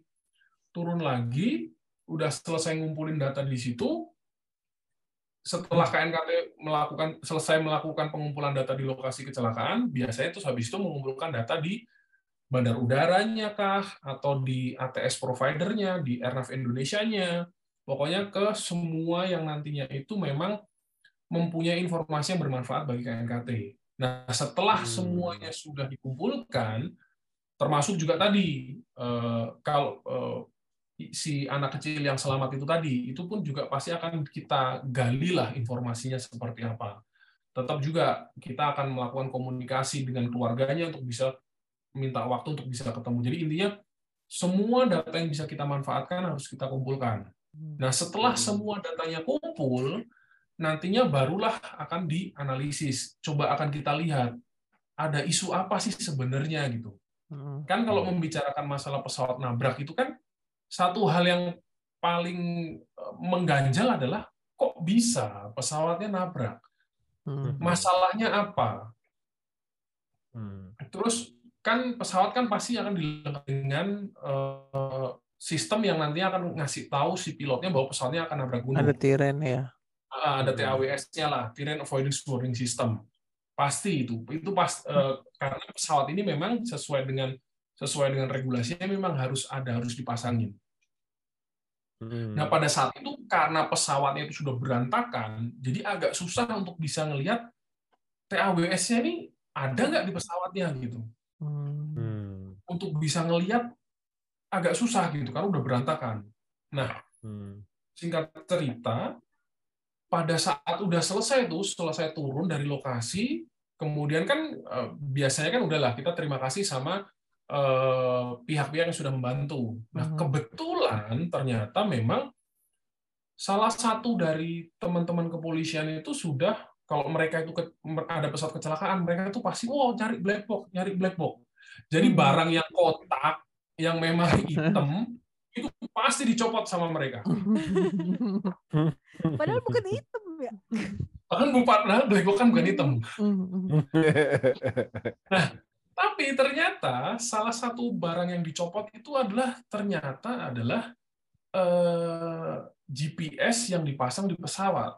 GPS yang Hmm. dipasang di pesawat dan juga ada salah satu box yang nantinya itu tempat kalau misalnya pesawat ini mau dipasangin TAWS, dia masang modulnya itu di box itu. Mm. Oke. kebetulan. Nah, pada saat pada saat eh, udah proses mulai analisis, salah satu pertanyaan itu tadi, ini pesawat ini memang nggak dilengkapi dengan sistem eh, TAWS itu tadi. Setelah kita cek historinya dan lain-lain, itu ternyata informasinya itu nggak jelas gitu. Sis- apa data yang dipasang di pesawat yang di pesawat dipasang itu Mm. kan ini pesawat ini kan nggak nggak langsung di, dioperate sama si operator Indonesia, tapi dia dioperate juga dari operator asing juga. Nah, Hmm. pada saat di per- operator asing itu informasinya ada pesawatnya dipasangi sama si sistem itu tadi TAWS itu Hmm. tadi. Setelah masuk di Hmm. Indonesia, kok informasinya kok nggak ada. Nah. Hmm. Nah, tapi gini. Ken- kenapa kok aku bisa bilang bahwa ini investigasi yang menurutku aku tuh cukup puas karena gini eh, ada beberapa investigator senior itu selalu bilang bahwa ketika kita investigasi terkadang pasti akan ada jalannya evidence ataupun informasi yang bermanfaat itu biasanya akan meminta si investigator untuk menemukannya salah satunya adalah TAWS modul itu tadi kan aku nggak bisa nemu ya dengan berantakannya seperti itu. Tapi kok ya tiba-tiba barang itu tuh ada yang bawa turun dari atas pesawat turun ke bawah dan udah ketemu gitu. Mestakung, mestakung. Iya semesta mendukung. Nah dari situ kan kalau KNKT investigasi itu kan setelah KNKT sudah mengumpulkan data, kemudian datanya itu dianalisis. Nah prosesnya itu tidak hanya melibatkan si KNKT-nya saja. Jadi investigasi yang dilakukan KNKT itu kan mencoba untuk memperbaiki sistem yang mana harus objektif. Oleh karena itu, investigasi yang dilakukan KNKT itu juga akan melibatkan negara-negara lain. Salah satunya Hmm. adalah negara pembuat pesawat udara. Hmm. Karena memang mereka yang lebih tahu pesawatnya seperti apa. Nah, pada saat itu juga kebetulan si si KNKT-nya New Zealand itu juga dia akhirnya membantu saya untuk komunikasi dengan si manufaktur. Akhirnya dapat jelas tuh historinya pesawatnya seperti apa, kemudian nantinya itu yang dipasang di pesawat itu konfigurasi awalnya itu seperti apa. Nah, akhirnya dari situ ketahuanlah ternyata lu pesawat ini ternyata itu dia itu tidak dilengkapi dengan TAWS. Sampai dari sini kan Hmm. ketika kita membicarakan siap kalau investigasi yang KNKT kan nggak berhenti sampai di situ. Kenapa kok bisa sampai TAWS itu tidak terpasang? Kenapa kok bisa sampai ini tuh tidak terpasang tuh? Tapi kembali lagi kecelakaan ini bukan satu-satunya isunya adalah tidak ada TAWS-nya karena salah satu isu yang yang cukup krusial di di Papua adalah yaitu terbang VFR tapi dia tiba-tiba masuk awan. Ya. Nah, itu kan salah satu salah satu hal yang menjadi faktor yang berkontribusi terhadap kecelakaan ini bukan hanya membicarakan masalah TAWS saja, tapi juga ada penerbangan-penerbangan yang memang ternyata dia tiba-tiba masuk awan sehingga tidak bisa mendapatkan visual visual contact atau visual reference yang jelas. Sorry, Mas, bentar Mas, dipotong Hmm. sedikit. Jadi Hmm. guys, VFR itu adalah visual flight rule. Jadi flight tapi nggak pakai Instrumen. instrumen gitu. Jadi lihat aja. Begitu ya Mas ya. Penglihatan Ya. sih. Mm. Penglihatan Kaidah kaidah penerbangan visual. Oh, iya. Oke, Jadi, lanjut. penerbangan-penerbangan yang harusnya itu dia terbang dengan ngelihat secara visual, tapi tiba-tiba karena cuacanya tiba-tiba atau misalnya tiba-tiba cuacanya buruk atau misalnya memang dia tahu di depannya ada awan tapi tetap dia masuk bisa juga. Hmm. Hmm. Nah akhirnya pada saat itu salah satu salah satu hal yang krusial yang sudah pasti yang ketemu adalah memang secara secara informasi yang dikumpulkan ternyata memang informasi satelitnya seperti apa, kemudian informasi dari teman-teman dari si ATS providernya seperti apa, ternyata semuanya memang menggambarkan kondisinya itu memang cuacanya sedang buruk. Cuacanya memang kondisinya itu memang eh, lagi dalam kondisi yang instrumen lah, dalam artian secara Hmm. visual itu sebenarnya nggak bisa untuk terbang ke sana gitu. Hmm. Nah, akhirnya itu salah satu salah satu hal yang eh, berkontribusi terhadap kecelakaan ini. Nah, yang yang kedua adalah kenapa kok kecelakaan ini bisa terjadi walaupun dia tidak melihat kan seharusnya ada warning yang nantinya bisa ngasih tahu bahwa depannya itu ada gunung. Nah, ternyata yang satu lagi itu juga ternyata lolos. Tapi kan kembali lagi investigasi KNKT terus tidak selesai sampai di oke kamu nggak punya alat ini investigasi selesai enggak harus dilihat Mhm. lagi kenapa sih kok bisa seperti itu kan ternyata yang menjadi isu adalah karena kembali lagi investigasi KNKT kan dia nantinya harus sampai ke root cause-nya seperti apa secara sistem. Mhm. Kenapa kok bisa sampai pesawat yang memang memang terbang di Indonesia kenapa kok sampai bisa kelepasan sampai ini tidak ada eh, TLS. alatnya itu karena memang ternyata regulasi yang di kita ini yang dibuatnya itu tidak detail dalam artian regulasinya bilang bahwa harus ada TAWS sesuai dengan eh, aturan yang memang yaitu meng- mengacunya itu adalah at- aturan yang ada di negara lain.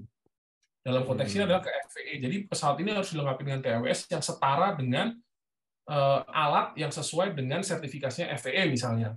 Nah, Mhm. itulah yang membuat akhirnya ketika nih misalnya saya yang melakukan pengawasan terhadap pesawat.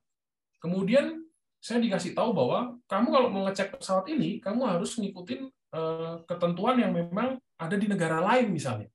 Kan itu kan Mhm. membuat si yang ngecek nanti akan kesulitan sehingga dia nantinya Hmm. hanya akan beranggapan bahwa ketika pesawat ini punya warning yang nantinya bisa ngasih tahu pilotnya, maka dianggap mempunyai TAWS karena memang kebetulan pesawat ini dilengkapi dengan GPS yang mempunyai fitur untuk bisa ngasih tahu secara visual kalau di depannya itu ada gunung. Hmm. Tapi itu tidak certified untuk sebagai TAWS karena nggak bisa mengeluarkan suara. Tiren, tiren, tiren, pull up, pull up, pull up-nya nggak ada. Nah, itulah yang akhirnya membuat semuanya beranggapan bahwa pesawat ini sudah dilengkapi dengan TAWS. Oke. Nah, Nah, jadi kurang lebih yang dilakukan oleh KNKT itu setelah datanya dikumpulkan, kemudian datanya dianalisis, kemudian semuanya itu akan disajikan ke dalam suatu laporan investigasi. Nah, ini yang aku tadi bilang.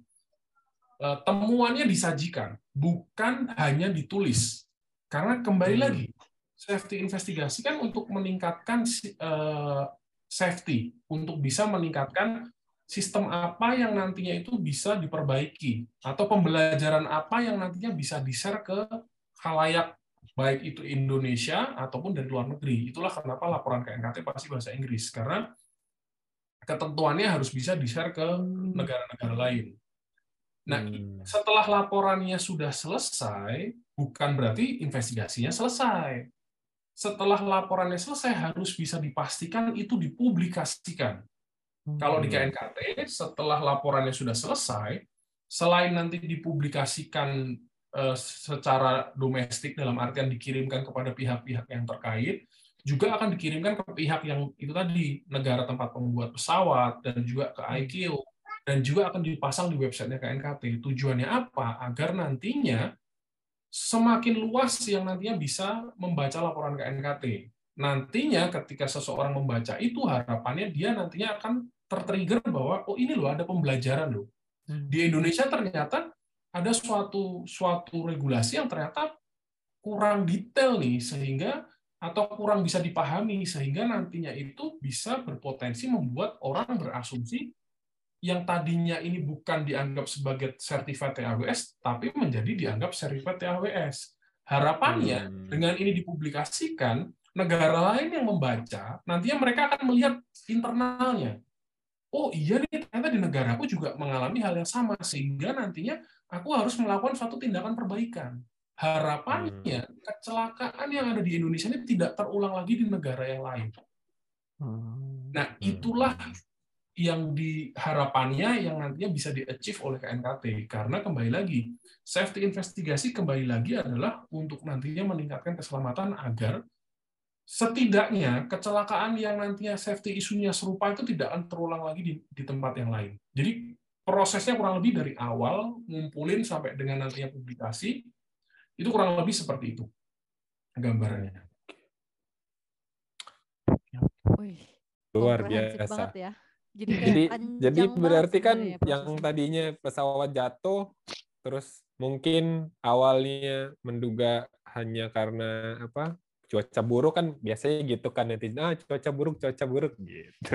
Tapi ternyata ada sosok-sosok kayak Mas Henry nih yang di KNKT yang kemudian eh, dengan apa berbagai rintangannya eh, cari data eh, terus kemudian akhirnya menyimpulkan bahwa ternyata bisa dalam kasusnya Mas Henry ini ya ternyata langsung ketemu nih bahwa memang berawal dari regulasi yang tulisan nih gitu. Tulisan aja tapi ternyata yang hanya dari apa general harusnya lebih detail tapi bisa leads to accident gitu. Sehingga ya safety investigation ini menjadi sangat penting untuk continuous improvement dalam apa link bisnis aviasi di mana pun gitu ya nggak cuma di Indonesia. Jadi tadi kalau ada yang nyinyir KNKT hanya bekerja saat saat apa ada accident dan akan nganggur harus dengar penjelasan Mas Chandra di episode kali ini. Ternyata banyak ya rentetan-rentetan pekerjaan dalam satu proses investigasi itu mulai dari um, apa notifikasi harus di-assess dulu, kemudian apa namanya lokasi kejadian bahkan harus di-assess juga sebelum deploy ke sana, belum lagi proses menuju ke sana kan juga butuh waktu. Nah, itu baru Hmm. buat ngumpulin data. Itu waktunya udah berapa nih? Netizen julid coba dihitung nih Hmm. waktu kerjanya kemudian setelah itu waktu proses analisisnya ini yang enggak enggak enggak enggak sebentar ya karena emang harus komprehensif harus ada proses pengumpulan data wawancara kemudian beneran direntet sampai tahu nih root cause-nya apa, masalah safety-nya ada di Hmm. mana gitu. Nggak cuman satu penyebab aja ya. Kalau kayaknya kita pernah bahas ya, Ren, Kak Sesi Mhm. waktu itu kayak em, ada yang namanya kayak Swiss cheese ya. Iya, Swiss Swiss cheese jadi model. kayak nggak Hmm. cuman satu penyebab. Bisa jadi itu cuaca buruk gitu. Tapi karena nggak ada eh, TAWS-nya, makanya pas cuaca buruk, pas kejadian, eh beneran jadi nabrak gitu. Kalau cuaca Hmm. ba- bagus, belum tentu eh, itu kejadian gitu kan. Jadi kayak ada lapisan-lapisan kalau Mas Hendy tadi Dan- bilang apa? Defense ya. Mhm. Defense-nya gitu yang Hmm. menyebabkan kejadiannya nggak eh, apa kecelakaan atau serious incident-nya nggak terjadi. gitu.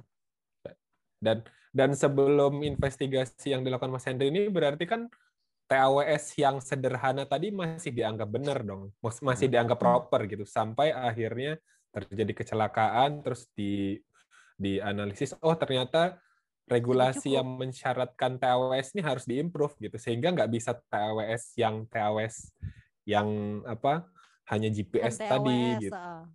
Bu- yang yang jadi- sebenarnya secara secara terminologi ya bukan TAWS gitu. Ya, jadi memang kembali lagi bahwa kan eh, jadi ketika KNKT melakukan investigasi itu bukan sa- selesai sampai dengan oke pesawatnya ternyata tidak tidak dilengkapi dengan TAWS sesuai dengan regulasi kemudian selesai nggak sampai di situ Hmm. tapi tetap harus lihat kok bisa sampai seperti itu gitu karena nantinya Hmm. contoh misalnya yang ini yang itu tadi misalnya ternyata operatornya itu diberikan sanksi nih tapi Hmm. ternyata secara sistem kan ketika operatornya pindah ke tempat yang lain nih misalnya kalau misalnya elemen-elemennya masih sama nih treatmentnya atau menganggap bahwa yang GPS tadi sudah dianggap dengan TAWS itu masih sama kan akan terulang kembali. Nah itulah Iya. kenapa investigasinya itu benar-benar sampai ke apa sih yang nanti paling gampangnya gini. Kalau investigasi itu adalah mencari apa yang terjadi, kemudian bagaimana itu bisa terjadi, kemudian mengapanya itu sampai tiga kali. Why, why, why, sehingga Hmm. harus sampai ke atas, sampai ke sistemnya gitu. Bukan hanya selesai sampai di situ, tapi tetap harus sampai ke belakang. Karena nanti kembali lagi yang akan dibenahi ini adalah sistemnya, bukan hanya ke level operasionalnya yang tadi ketika ini melanggar, kemudian investigasinya selesai. Rekomendasinya adalah agar nantinya pilot tidak melanggar lagi. Enggak seperti itu, Hmm. tapi lebih ke arah apa yang membuat dia itu kok bisa sampai melanggar gitu. Jadi gambarannya kurang lebih seperti itu. Iya, iya, iya. Oke oke. Panjang Langsung sekali. Panjang sekali, langsung. gitu ya.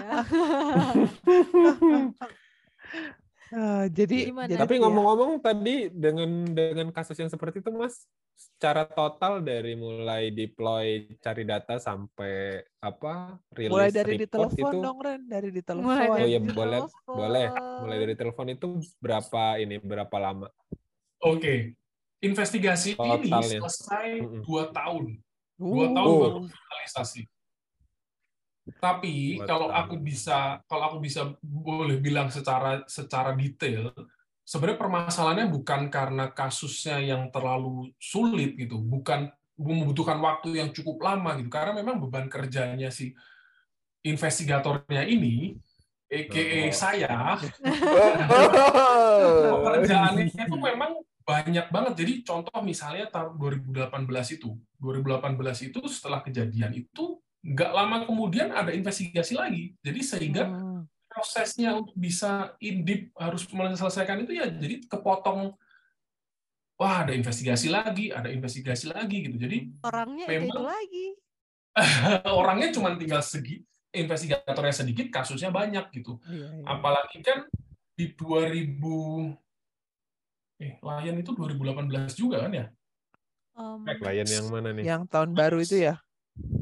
Boeing Max itu kan 2018. oh Max Oh, iya, ya 18 apa 19? 18 ya? 18. Boeing Max itu 18 kalau nggak salah. Buka eh bukannya setelah pandemi ya? Eh sebelum pandemi bener bener bener. Nah, bener. sebelum pandemi. Ya, sebelum Belum. pandemi. Yang Benar-benar. yang pandemi itu yang SJ 182. Nah, itu juga salah satu faktor juga. Pada saat itu kan memang sedang ada investigasi investigasi yang besar sehingga semua resources-nya ke sana termasuk juga saya. Karena satu-satunya air traffic controller yang memang stay, yang investigator tetap di kantor itu cuma saya. Jadi mau nggak mau ya harus resources-nya harus kepake ke sana. Jadi saya bilang tadi dua tahun itu bukan berarti memang kami harus membutuhkan waktu dua tahun untuk menyelesaikan satu kasus itu karena memang yang dikerjain itu banyak banget jadi sehingga Nah, kalau bisa mau dibilang ya dua tahun itu bukan berarti karena memang kasusnya akan selesai dalam dua tahun enggak tapi kembali lagi karena memang workload-nya kurang lebih seperti Nah, ini kalau kalau ini problemnya udah ada di Pak Bos nih, Pak. Tolong Pak ditambah nih workforce-nya. organizational factor ya, faktor Iya. dari organisasi. Oh, ini nggak Ya, ini juga- juga ini. ini juga isunya karena masalah regulasi karena ini temuan ini. Ini bisa jadi temuan loh, iya benar. Nanti jangan-jangan ini dari YYY yang ketiga ini loh. Karena ternyata hasil investigasinya belum keluar gitu. karena memang dibatasin 10 maksimal tapi sekarang udah direvisi peraturan presidennya sekarang udah direvisi kan Puluh apa tuh maksudnya, Mas? jadi 10 orang. Di 2000 kan KNKT itu kan eh, organisasi yang baru itu kan dia pakai Perpres nomor 2 tahun 2012. Perpres Mhm. nomor 2 itu pembentukan KNKT itu maksimal KNKT itu cuma boleh 10 investigator per subkomite. Hmm. Hmm. Jadi bisa dibayangkan dalam satu tahun kejadiannya ada 30 tapi investigatornya cuma 10 maksimal. Satu Sedangkan orang dalam satu tahun tadi bisa sampai tiga. 30 kecelakaan gitu. Mas, aku mau nanya satu lagi nih. Hmm. Kalau misalnya tadi nih terkait tadi ya workload-nya gede banget sehingga kan tadi eh, butuh waktu dua tahun gitu ya. Nah, sebenarnya kalau kecelakaan kayak gitu ada expiry date-nya nggak sih? Kayak misalnya harus berapa lama sih ada hasil atau apa gitu? Ada nggak sih, Mas? Sesuai dengan ketentuan standarnya, ketentuan standar internasional itu adalah investigasi itu harus eh, tim yang melakukan investigasi itu harus mempublikasikan, bukan hanya menyelesaikan investigasi ya, mempublikasikan karena kembali lagi lesson learn yang nantinya akan biar bisa diambil oleh orang lain harus dipublikasikan.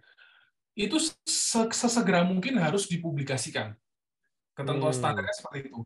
Jika memungkinkan dalam waktu 12 bulan. Hmm. Nggak Hitungannya memungkinkan. Kalau misalnya ini ya. nggak nggak bisa selesai juga nggak apa-apa, masih lanjut lagi. Jadi Tapi harus gini, dipublikasikan. harus dipublikasikan. Jadi gini, investigasi itu boleh eh, kes- tidak ada kesimpulan itu boleh. Jadi ketentuan standarnya Oh. IQ itu ketika kita melakukan investigasi itu boleh. Kita itu tidak menyimpulkan apa-apa itu boleh. Karena kembali lagi investigasi bekerja berdasarkan data. Contoh MH370 Hmm, hmm, pesawatnya nggak ketemu. Gimana Hmm. caranya mau menyimpulkan kecelakaannya? Memang investigatornya dukun, nggak punya data tapi ngomong. Kan gitu. Jadi minimal me- menggambarkan faktanya aja gitu ya mungkin ya Mas. Nah, Kalau kayak gitu. ya men- eh, boleh untuk tidak menyimpulkan, tapi final report tetap harus dipublikasikan. Ah. Nah, KNKT itu dulu pernah nanya ke ke chiefnya investigasinya IKO. Kita tuh pernah nanya, Hmm. kan KNKT itu backlognya cukup banyak lah. Ada sekitar Mhm. 200 atau 100 100 laporan yang masih belum selesai. Kita tuh sempat Oke. nanya, banyak nih PR-nya KNKT itu banyak. Jadi kita tuh Hmm. sempat nanya, kan operatornya sudah tutup, Hmm, pesawatnya sudah tidak beroperasi lagi di Indonesia. Hmm, Safety Hmm. benefitnya di KNKT itu kan di Indonesia tuh sudah nggak begitu nggak begitu ya quote unquote sudah tidak bermanfaat lagi safety benefitnya buat kami gitu. Boleh nggak Hmm. itu kami putihkan? hmm. Mereka Hmm. bilang, loh Indonesia memang pesawat itu memang tidak beroperasi di Indonesia. Tapi di negara sana, di negara antah berantah, ya pada saat itu ngomongin tipenya ini di Afrika itu masih banyak pesawat ini dioperasikan di sana gitu. Dan mungkin laporan KNKT ini bisa bermanfaat bagi mereka sehingga nggak ada itu istilahnya diputihkan. Oh, Aku pikir tadi dia alasannya, tapi kan Indonesianya masih ada. kan kalau ngomongin sistem ujung-ujungnya bisa ke mana-mana kan? Nunggu Oke, oke, Indonesianya nggak ada baru diputihkan maksud lo kak? Luar biasa. Jadi berarti kesimpulannya adalah 200 laporan tadi harus selesai ya Mas ya? Oh enggak. Boleh tidak menyimpulkan. Lebih baik tidak usah disimpulkan, Ren. Tetap harus diselesaikan. Tapi harus Tapi pokoknya diselesaikan. intinya yang di highlight adalah apa yang dilakukan oleh KNKT itu sebenarnya yang tadi safe ya apa safety investigation itu adalah demi eh, apa ya continuous improvement keselamatan di masa depan supaya kejadian yang serupa sebisa mungkin tidak pernah terjadi di mana pun gitu. Tapi tadi sebenarnya nih kembali. gimmicknya bagus loh, Ren. Tidak untuk disimpulkan ya Mas ya, tapi untuk diselesaikan. diselesaikan. Jadi inilah akhir dari podcast kita. Boleh nggak gitu? tidak untuk disimpulkan, Tapi harus diselesaikan. Oke, bener ya. Kita udah ngobrol panjang banget sih sebenarnya kayak udah Hmm. ngomongin tentang apa itu mulai dari kenalan nih, apa itu KNKT gitu, kerjaannya apa aja. Terus berapa lama nih waktu investigasinya sampai proses investigasinya tadi pakai studi kasus yang di Oksibil ya. Jadi kayak udah Hmm. komplit banget nih pembahasan kita tentang Hmm. investigasi kecelakaan em, hari ini. Eh, Rendra, makasih sih masih ada nggak nih yang mau dikepoin? Banyak sih tapi kayaknya nanti nggak cukup. Nah, kita close dulu aja. Kita bisa bikin part 2 ya. Nanti kita bisa kepo-kepo berikutnya. Kita bisa kepo-kepo berikutnya. Oh iya paling ini berarti tadi kan Mas Mas Tenti bilang eh, laporan KNKT itu bisa diakses oleh publik. Jadi diaksesnya di knkt.go.id, benar ya Mas ya? Ya. knkt.go.id. Di situ nanti ada eh, we- apa namanya ada halaman yang isinya itu laporan finalnya KNKT. Bisa Hmm, nanti di teman-teman bisa baca banyak laporan-laporan apa eh, investigasi yang sudah dirilis oleh KNKT termasuk yang tadi Mas Henry ceritain mungkin bisa dibaca sendiri juga di situ atau kalau malas baca ya bisa dengerin podcast ini gitu. Kalau ada yang lagi dicari terus belum ada, harap harap sabar ya Mas Henry ya. Jadi- Ada. Jadi tuh gini, eh, KNKT tuh bukan terus investigasi terus hasilnya disembunyiin bukan. Karena memang belum Hmm. selesai aja itu. Karena workload-nya besar. ya. Oh, mungkin aku ada satu sedikit sih kepo. Jadi ketika nanti tadi misalnya sudah disimpulkan ya, ini bisa disimpulkan, kemudian eh, ber- bentuknya adalah rekomendasi. Tadi kan memang dikirim-kirim gitu ya. Nah, kalau rekomendasi ini kan kadang-kadang nih bentuknya kayak himbauan ya, Mas. Jadi kayak Hmm. dihimbau, tapi eh, ya diikutin boleh, nggak diikutin nggak boleh gitu ya. Nah, sebenarnya Apa-apa. kalau Eh, sebenarnya kalau dari hasil KNKT ini lebih seperti himbauan seperti itu atau memang harus eh, misalnya eh, misalnya ini misalnya nih yang misalnya ini hubungannya karena tadi karena di aturannya itu misalnya abu-abu. Nah, harus seberapa cepat sih abu-abu ini jadi hitam atau putih misalnya gitu. Oke, jadi gini, iba, sebenarnya tuh KNKT itu ibaratnya dokter. Jadi Hmm. eh, kita tuh mencoba untuk cari obat. Dan ob- dokter itu kan mendiagnos ya. Kan dia kan nggak bisa bilang 100% dia sakitnya apa.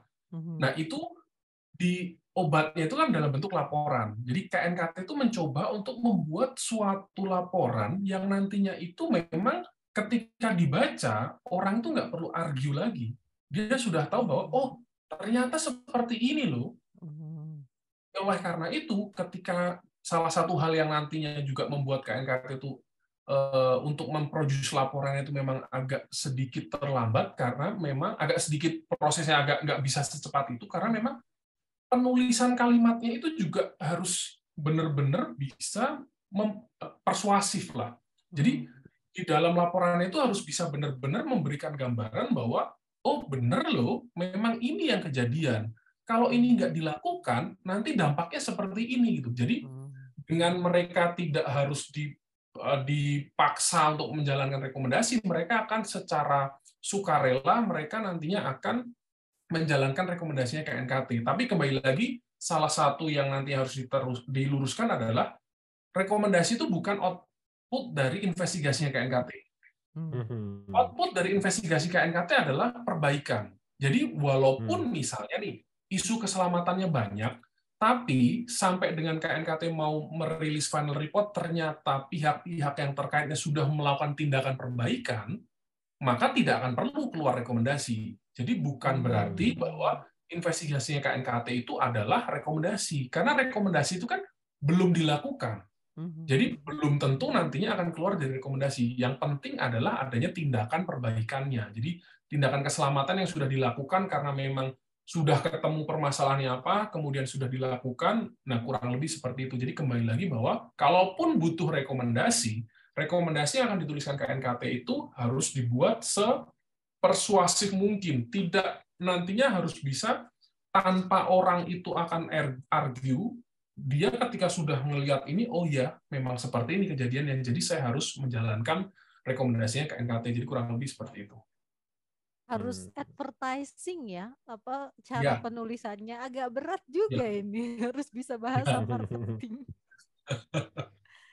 jadi kayak misalnya nih tadi dalam waktu dua tahun siapa tahu mereka udah melakukan tindakan improvement gitu ya jadi nggak perlu dimasukkan lagi dalam Ya, rekomendasi. KNKT kan lama kak tadi ya ada faktor-faktor yang Mhm. lain gitu ya dalam waktu dua tahun sampai si final reportnya keluar ada lagi nggak nih yang mau Sip, dikepoin sip, sip. Cukup, cukup, cukup, cukup. Ren Oh, cukup. Oke, berarti kita closing ya. Atau last ini kali Mas Henry Iya, habis ada ini closing pesan-pesan statement terakhir dari Mas Henry, tapi khusus. habis itu baru ada gimmick. Apa Pesan gitu? terakhir kayak apa sih? Bukan, bukan. Maksudnya Closing di episode ini gitu. closing statement di, untuk pendengar potatoes apa gitu Mas? Ya, Mas Henry, kira-kira ada closing statement nggak nih yang mau disampaikan buat para pendengar potatoes? Oke, apa ya? Eh, mungkin eh, aku nih bukan tipikal orang yang eh, semacam motivator yang bisa memberikan kalimat-kalimat. yang- Tapi setidaknya gini, eh, yang dilakukan oleh KNKT, yang kami lakukan itu adalah kembali lagi, kami di sini bukan musuh. Yang mana kan pendengar dari Potatoes ini kan mungkin nanti ada dari operator, ada dari dari airline, dari dari orang-orang di dunia penerbangan, yang mana Dilak- yang dilakukan oleh investigation authority itu adalah tujuannya adalah untuk kebaikan semuanya. Bukan kami kami di sini bukan bukan sebagai orang yang mencoba untuk mencari kesalahan tidak. Di sini kami mencoba untuk ibaratnya itu memberikan jasa secara gratis untuk bisa melihat dari luar.